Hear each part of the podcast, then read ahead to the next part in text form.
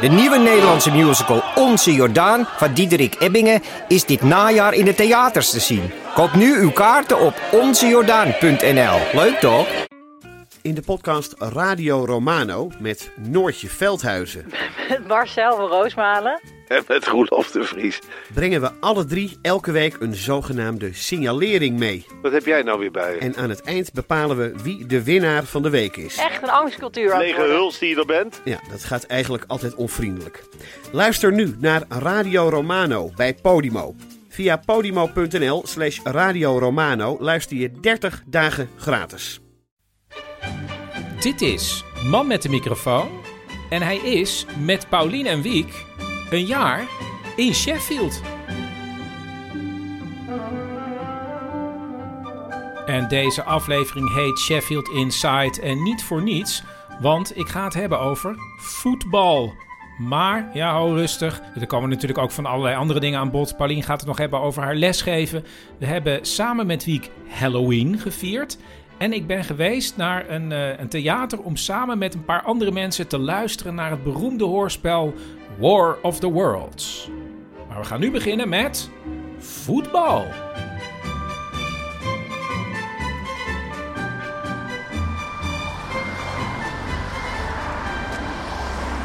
Tegen wie gaan ze nou? Ik weet niet tegen wie ze spelen, maar we gaan naar jullie allereerste voetbalwedstrijd, toch? Waar jullie bij gaan zijn. Ja, ik ben gek genoeg nog nooit bij een, een zeg maar betaalde voetbalwedstrijd geweest. Nou, dan is dit een hele goede instapper. Oké. Want het kost voor ons 6 pond, volgens mij. En voor Wiek, ik dacht 4 pond. Hallo. Hello, hello. Two adults, one child. Two adults. Are you paying cash or card? Oh, card. We can Card, also yeah. pay- Ik had wel helemaal cash klaar. And who are we playing against? So they are playing against uh, Coventry United today. So it's in the cup. So it's a cup game.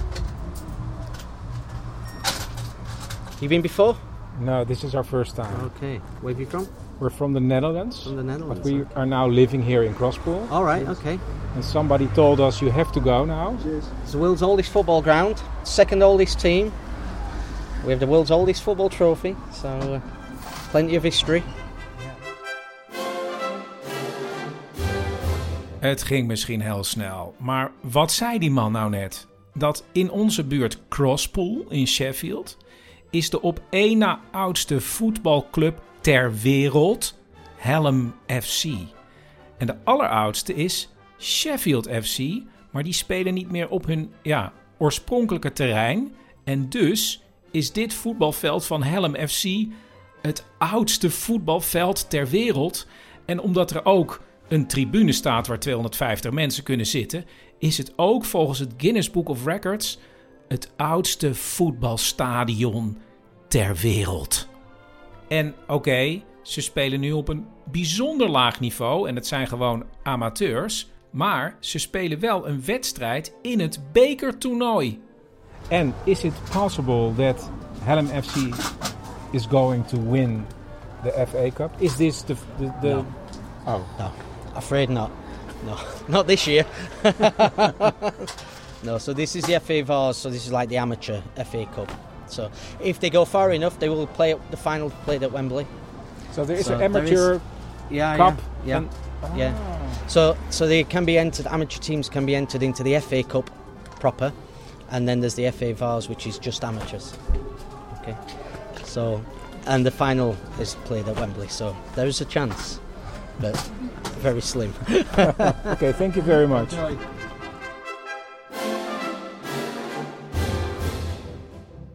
Voetbal komt dus uit Sheffield. Omdat in 1857 twee mannen een voetbalploeg oprichtten, Sheffield FC, en ook de regels van het spel opschreven. En dat waren de zogenaamde Sheffield Rules. En daarin stond al bijvoorbeeld beschreven de corner, de vrije trap, de rol van de keeper, maar ook dat je met het hoofd mocht scoren. Maar dan waren er ook nog een paar andere regels binnen de Sheffield Rules, namelijk de eerlijke vangbal. Als je met je handen een bal uit de lucht ving, dan mocht je hem neerleggen en een vrije trap nemen. Je mocht alleen niet scoren vanuit die vrije trap. En je moest ook als je ingooide, het loodrecht op het veld doen. Een beetje zoals bij rugby. En er was geen buitenspel. De Sheffield Rules hebben bestaan van 1858 tot 1877. En toen namen ze de regels over van de FA, wat nog steeds de grote voetbalbond is, in Engeland. Oh ja, de allereerste wedstrijd tussen twee ploegen uit dezelfde regio, een zogenaamde derby of derby, was dus tussen Sheffield FC en Hallam FC.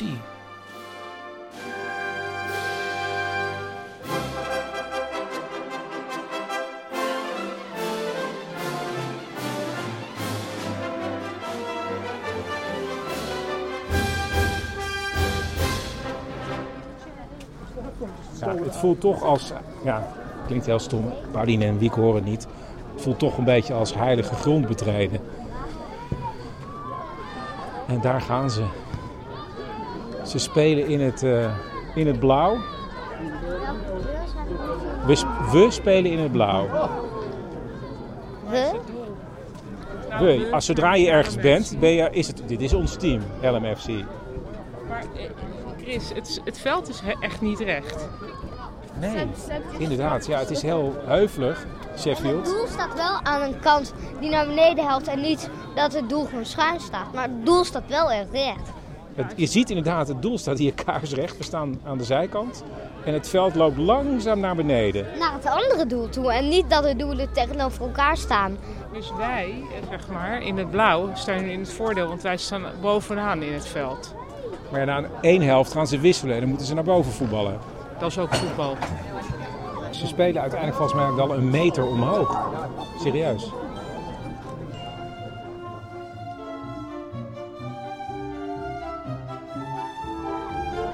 Ik ga even naar binnen, want daar, als het goed is, in de hun prijzenkast staat de alleroudste voetbaltrofee ter wereld. Ga mee?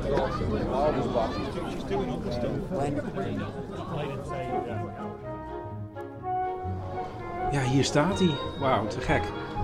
In 1867 werd er een toernooi gespeeld. De Juden Cup. Die, die beker, of het is meer een kan. Ik vind het meer een soort, ja, een soort van... Wat zou je hieruit schenken? Water een soort, ja, een soort duizend en één nacht zilveren kan.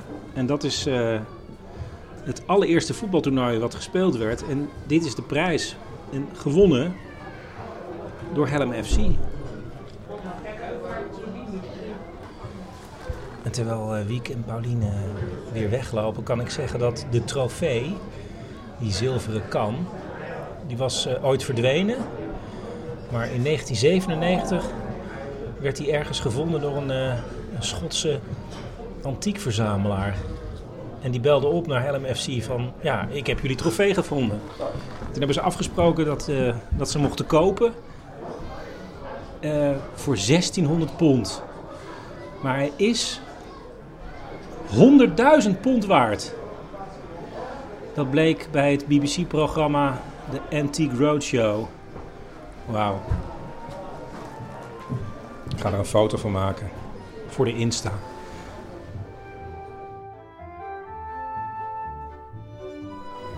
Oh ja, als je denkt, uh, ik ga deze trofee van 100.000 pond stelen. Ik lees nu net, dit is een uh, exacte kopie van uh, het origineel wat staat in uh, het Sheffield United Legends Museum. Dat is uh, ja, de grootste voetbalclub van dit moment in Sheffield.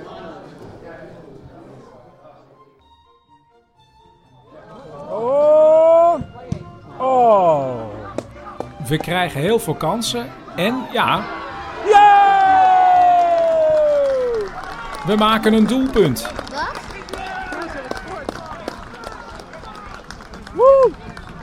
En een paar minuten later weer. Oh!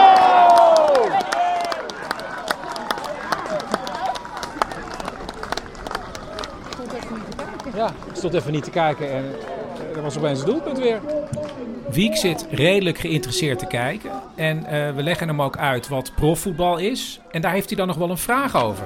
Als we nou veel beter amateurs zijn en ja, super dat... slechte profs. Ja, maar dus zodra een amateur heel prof. goed is, ja. Dan is er wel een club die gaat zeggen: hé, hey, weet je wat? zeg je baan als uh, hoogleraar maar op. We gaan jou betalen om voetbal en dan verdien je veel meer. Na de eerste helft verdwijnen Wiek en Paulien naar huis. En ik ga staan bij uh, een overdekte kleine staatribune. Want daar staan de zogenaamde ultra's. De ja, fanatieke supporters van Helm FC. En dat zijn er ongeveer, nou, 20.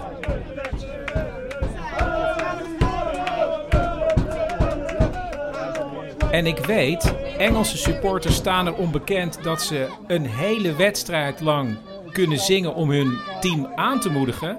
Maar Helm FC heeft maar één zo'n supporter. En dat is een, denk ik, tienjarig jongetje. En die schreeuwt echt bijna de hele wedstrijd. Ik dacht eerst Helm's going away of zoiets. Maar het is Helm's gonna win. En ja, na 20 minuten wil je hem oppakken en over de muur gooien. Maar ja, hij is wel uh, fanatiek. En ja, misschien uh, moedigt het het uh, team wel aan, want ze winnen uiteindelijk met 5-1.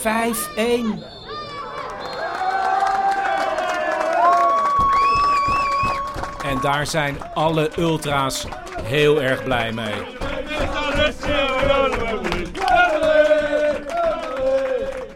En dus mag Helm FC door naar de volgende ronde van de FA Vaas, zoals de amateureditie van de FA Cup heet. Ja, en de ultra's die geloven er wel in.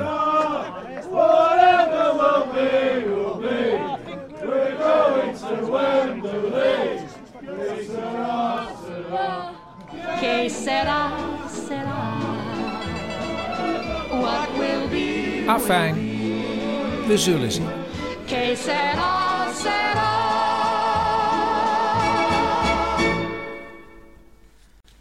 Ik hoop dat je het uh, kan horen. We zitten op de bank en er is een geluidje. Het is onze nieuwste ASMR-podcast. het lijkt. Wacht, wacht Paulien, wat ben je aan het doen? Ik ben een wand aan het breien. Want? Want, nou, omdat ik nog weet, uh, toen wij in hoogzomer aan het inpakken waren, dan had ik wel één moment van helderheid van wacht even, het wordt natuurlijk ook koud. En toen weet ik nog dat ik twee van die mutsen die we hadden liggen, waar Moswachter op stond en echt gebeurd, die hield ik toen zo omhoog. Zei ik deze mee? En jij echt zo, nee. Zo kan van, ik me niks van herinneren. Ja, maar van waarom zou je dat... Ja, eigenlijk als je nu achteraf kijkt wat we allemaal hebben meege meegenomen, zitten sommige dingen zijn nogal random en andere dingen toch wel heel blij. Ik ben toch blij dat de knoflookpers mee is. En je had liefst ook mutsen meegehaald. Nou, nu kan ik lekker breien, dat is ook leuk. Want je hebt voor mij al een muts gebreid. Ja. In ertegroen. En voor mezelf. Ja. Oh ja. Ja. Ja. Dat is, is echt heel mooi. een knaller. Zetten we nog wel even op de Insta. Op de Insta. Ik roep de hele tijd. ik zet het op, Zet de, op de Insta. Dat doe je helemaal niet. Jawel, jawel. Dan Oh, zet ik het echt wel. wel op de Insta. Ehm, maar je hebt ook weer les gegeven. Ja, ik heb eh, twee lessen gegeven. Eentje in het schrijven van een column. Dat was heel erg leuk eigenlijk om te doen. Toen dacht je van... Toen had je de hele tijd contact met mij. Toen zei je... Ik denk dat er helemaal niemand komt. Ja, want het was niet met aanmelden. Dus je kon gewoon verschijnen. Maar Tot een kwartier ja, van tevoren zei je nog... Ik weet ja, het ik, vond, ik had dus wel een soort... Ik maakte de hele tijd powerpoints om dus geloofwaardig over te komen. Ehm, dus dat had ik nu ook gedaan. Maar ik dacht een beetje van ja, als ik daar uiteindelijk met één iemand zit, dan zit ik met mijn PowerPoint. En dan als er maar één iemand, dan is het misschien ook een heel weird iemand. En, Maar dat is wel weer lachen.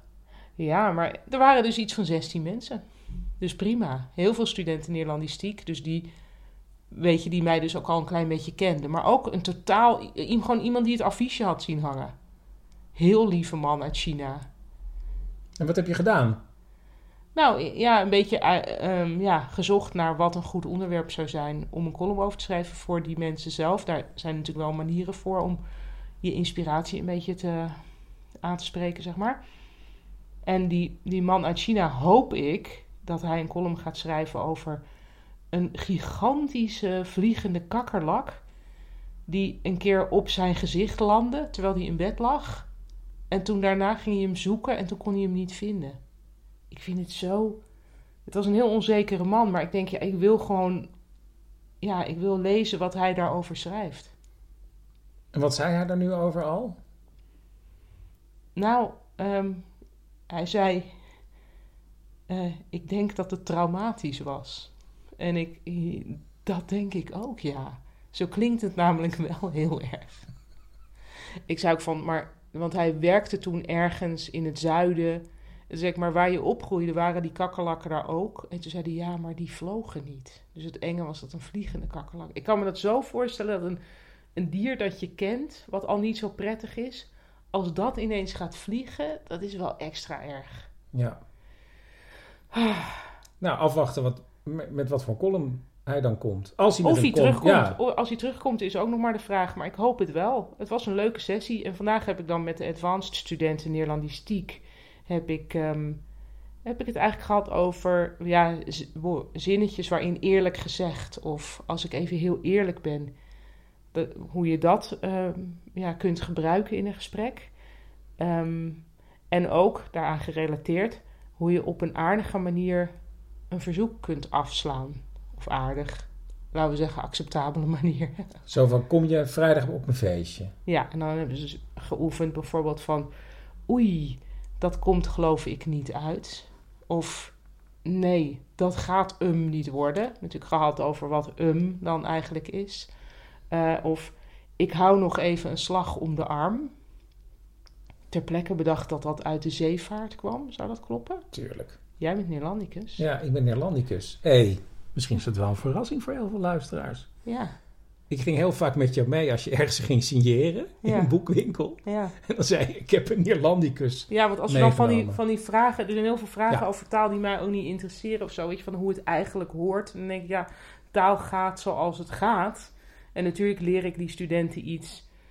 waardoor ze natuurlijker en beter Nederlands eh, kunnen. Maar weet je, over de precieze regeltjes denk ik altijd van... ah. Nee, en dan, En dan, was had mijn- ik, en ja. dan zei ik ja, maar dus dan stelde iemand de vraag van is het nou?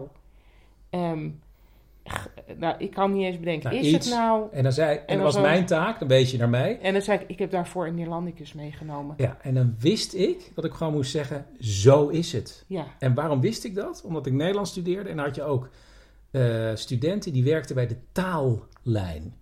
Dat is een lijn die kon je opbellen. Ik weet niet of dat nog bestaat. Telefoonlijn? Denk- Ik denk telefoon? het niet. Nee, ik denk het niet, Chris.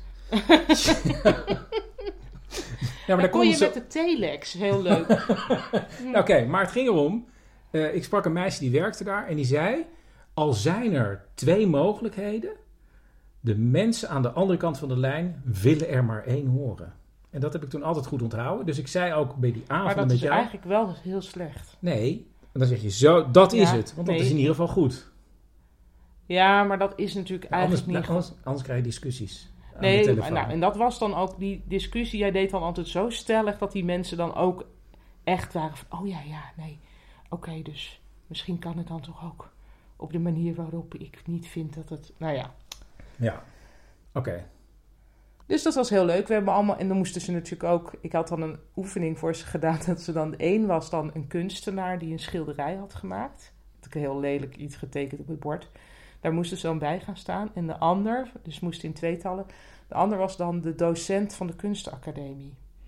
En dan moest die, moest die kunstenaar vragen van... Nou, en wat vind je ervan? En dan moest die docent op een aardige manier zeggen dat hij het niks vond. En er waren heel goede antwoorden. Er was één meisje die zo... Die zei van... Nou, ook heel goed beginnend met nou. Hè? Nou, het is heel mooi. Maar voor mij is het eerlijk gezegd niet kleurig genoeg. Ook dat voor mij vond ik zo'n goede toevoeging dat ze dat wist. En zei er al iemand, wat vind je er zelf van? Dat is niet aan bod gekomen. Nou, ik, ja, het klinkt weer als een hele goede les. Waar gaat je volgende les over? Je moet nog een beetje kiezen. Misschien over soms. Kun jij soms eventjes... Of heb jij soms... Heb jij soms nog wat... Wat koffiefilters? Hoezo soms? Oké, nou, ik ben benieuwd.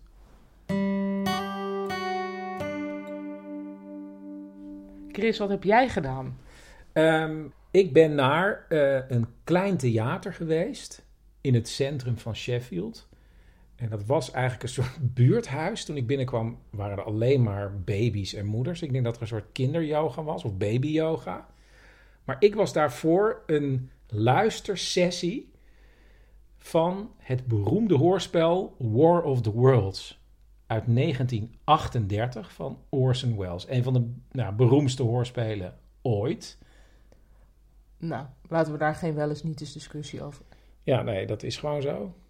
Dat is, ja. Vanwege Orson Welles. Vanwege, ja, vanwege Wat hij Orson. wel eens heet. Nou, maakt Oh, niet uit. oh. oké, ja, jeetje, oké. Dat niveau. Dat niveau. Oké, Eh, dus Orson Welles. Orson Welles, ehm, een beroemd eh, hoorspel, een bewerking van, eh, eh, van Wells, andere, ja, H.G. Wells. Oh, maar dat is boek met W-E-L-L-S. En die andere is Welles. Orson Welles en H.G. Wells. Ja. Die had War of the Worlds geschreven. En Orson Welles had daar een bewerking van gemaakt voor de radio. Waarbij er ook marsmannen op de aarde afkwamen en aanvielen. Ehm, maar dat hoorspel klonk heel echt. Dus eh, Orson Welles had het zo gemaakt dat het ja, bijna nieuwsberichten op de radio leken. En het verhaal is dat er heel veel mensen in paniek schoten en naar buiten renden en begonnen te schieten naar ja, waar de marsmannen eventueel aan het landen waren.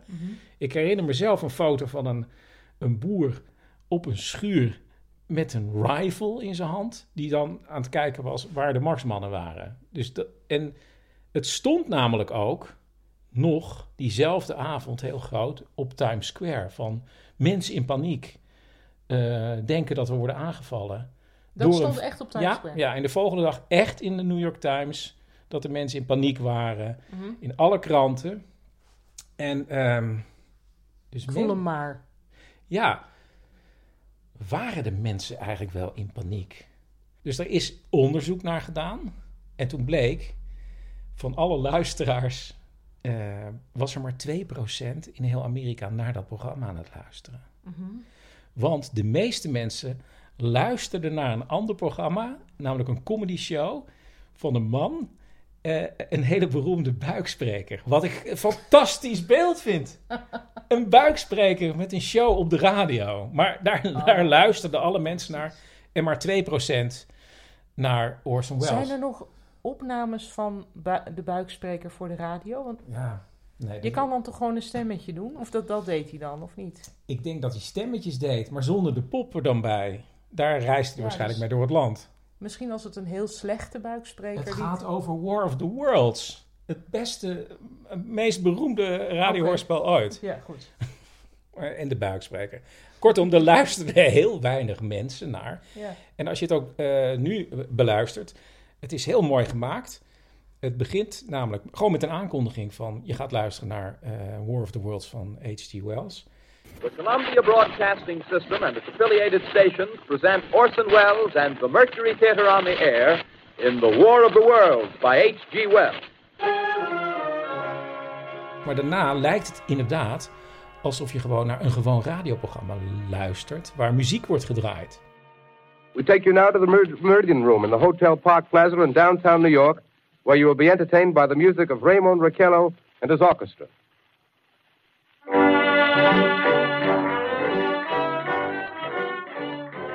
Maar die muziek wordt op een gegeven moment onderbroken met een nieuwsverslag van... hé, hey, wacht even, we gaan zo weer door, maar er komen dingen van Mars op ons af.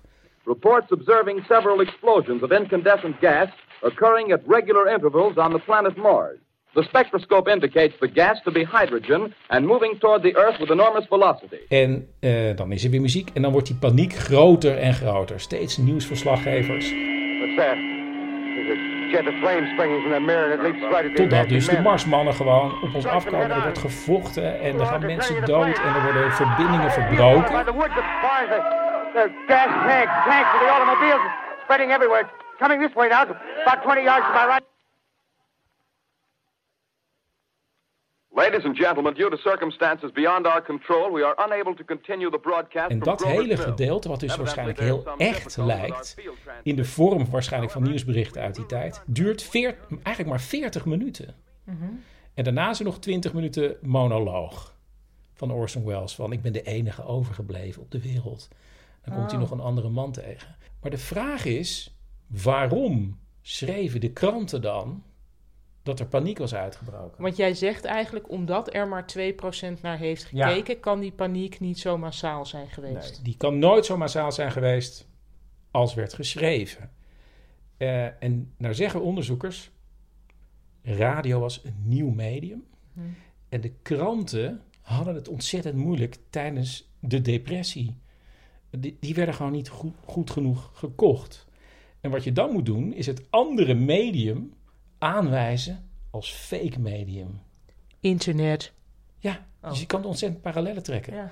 Dus, en dat was ook precies het woord wat er steeds eh, opdook in die nieuwsberichten. Radio is fake. Dus voor het echte nieuws moet je bij de kranten zijn. Waarbij het dan ja, toch ironisch is dat dus het nepnieuws werd gebracht door de krant. Ja. Namelijk iedereen is vanwege dat hoorspel totaal in paniek geraakt terwijl dat meeviel. En is, ja, er zullen wel wat ja, mensen... Ja, ja er, wa- er was wel paniek. En het verhaal gaat ook dat de politie nog in de radiostudio gekomen is vlak na de uitzending. En er Is waren- dat zo? Ja, dat is volgens mij ook wel zo. En er waren ook heel veel brieven gestuurd van boze mensen. Van ja, ik dacht dat het echt was. En dan las ik weer 2000 brieven. Maar dan blijkt ook dat andere shows veel meer brieven. Want je had natuurlijk ook geen internet. Je kon geen mail Nee. sturen. Dus dat viel ook eigenlijk allemaal nog wel mee. Maar er was wel reuring. Eh, maar zo En groot dus als is- ze zeiden was het niet. Ja, maar het is heel raar dat die kranten dat hebben gedaan. Want die hebben daarmee het natuurlijk nog groter gemaakt dan het was. Of heeft Orson Welles daar zelf ook iets? Ja, nou, dat is ook nog zoiets. Orson Welles had dit natuurlijk niet verwacht. Maar stiekem gaat hij hier heel lekker op. Mhm. Want die man was echt een master van ja, marketing en PR. Het goede was ook, hij was theaterregisseur en hij werkte voor de radio. 23 jaar was hij, hè, Mhm. toen hij eh, dit hoorspel maakte. En hij was zo druk dat hij zei, ja, ik heb een ambulance gehuurd... zodat ik met een sirene eh, door al het verkeer heen kan... om zo snel mogelijk bij het theater te zijn. Ja, dat is heel aanstellerig. Ja, maar wel goede PR. Ja. En dat, dat, dat kon hij heel goed. Dus misschien heeft hij zelf toch ook wel een beetje de hand gehad in het opkloppen van wat er allemaal gebeurde rondom. Ja, ik denk zodra eh, eh, het in gang werd gezet, dacht hij: hé, hey, hier kan ik garen bij spinnen. Krantje opgebeld. Dat werd, nee, het, het Dat werd hem wel allemaal in de, in de schoot geworpen. En wat was de aanleiding dat dit nu eh, niet vertoond, maar ver, Nou ja, het- verklankt werd? Ehm, het is 85 jaar geleden dat dit uitkwam. En het was ooit gewoon bedoeld als hoorspel voor Halloween. Mooi bruggetje.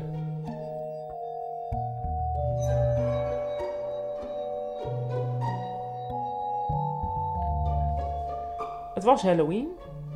Ehm, dat was voor ons de eerste Halloween, want wij vieren thuis Sint Maarten. Ja.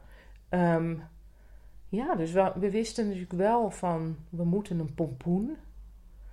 En Nou, we moeten een pompoen. Ik wist helemaal niet waarom we een pompoen moesten. nou, ik dacht gewoon meedoen met, met, Nee. met de locals. Maar, Maar wat ja. blijkt nou?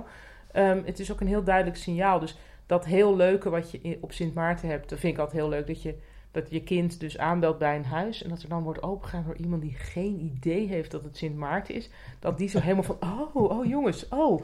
En die moet dan, dat hadden wij een keer, zo'n man die van, jongens, wat ontzettend leuk. ik ga even in de keuken kijken. En die komt dan met zo'n paar van die soort van bijna over de datumachtige muesli-repen van iemand. Of weet je wel, het snoep van zijn ik heb puberzoon. alles gehad van, eh, met koekjes gewoon. Ja, de van, gewone koek. Nee, maar wat koekjes dan. Ja, heel leuk. Maar dat heb je hier niet, want er is dus een heel duidelijk signaal, zoals heel veel in Engeland weer heel duidelijk. Als je een pompoen met een lichtje voor je huis hebt, dan is daarmee gezegd: bel maar aan en we hebben snoep. Heb je dat niet, dan dien je ook niet aan te bellen. Kortom, wij hadden zelf een grote doos met snoep gekocht. We hadden een pompoen. Wiek was verkleed. De avond kon beginnen. Waar is het snoep? Hier. Oh. Eén, twee.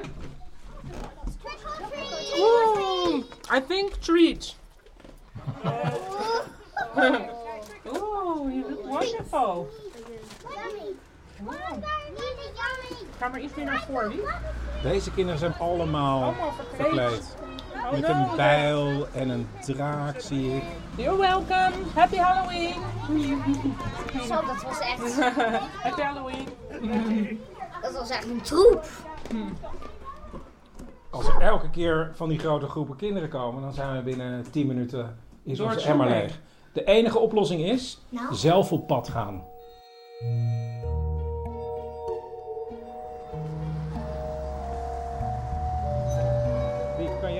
Vertellen hoe jouw kostuum eruit ziet? Of, Nou, mijn kostuum is één stuk plastic en wat lippenstift.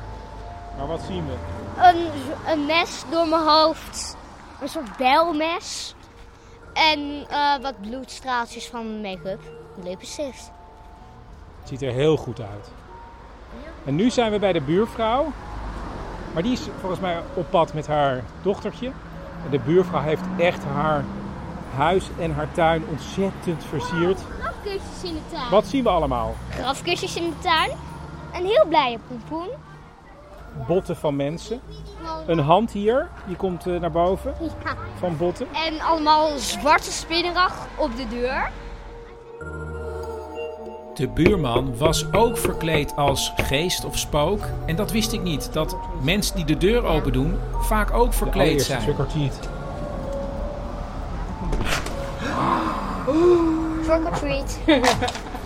Tree.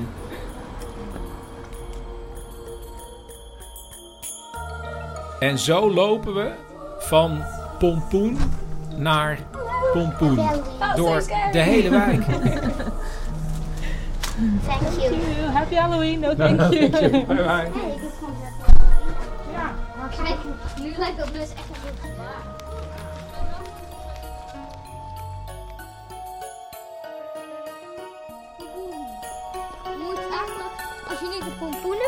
zoeken, eigenlijk is het zoek de pompoenen tenzij je Halloween vieren ziet.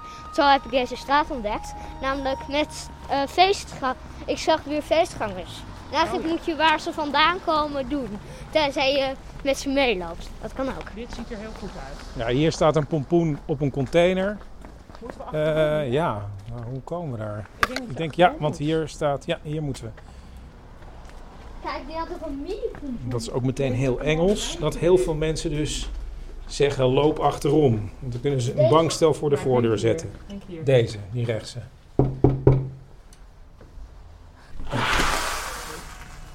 Halloween. That's a really good costume. wow, are you a pirate? Yes. Yeah, it looks great. Happy Halloween. Happy Halloween. Thank you.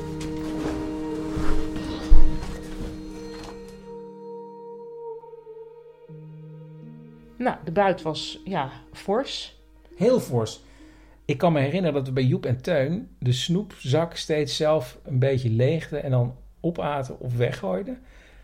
Want Wiek is nu al twee dagen aan het eten van ontzettend veel snoep.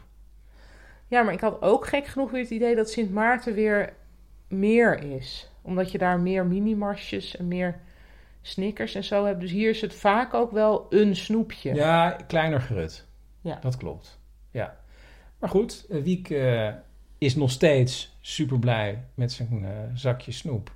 En elke keer ja, pakt hij daar weer iets uit en eet het op. Hij deelt het ook wel. Soms krijgen we ook Krijgen we van die ook kleine cola flesjes. Ja. Volgende week vertellen we ook nog iets over een Halloween feestje waar we zijn geweest. Maar dat bewaren we voor volgende week. Dat is een teaser. Mooi, dan gaan we eruit met een teaser. Tot volgende week. Luister weer.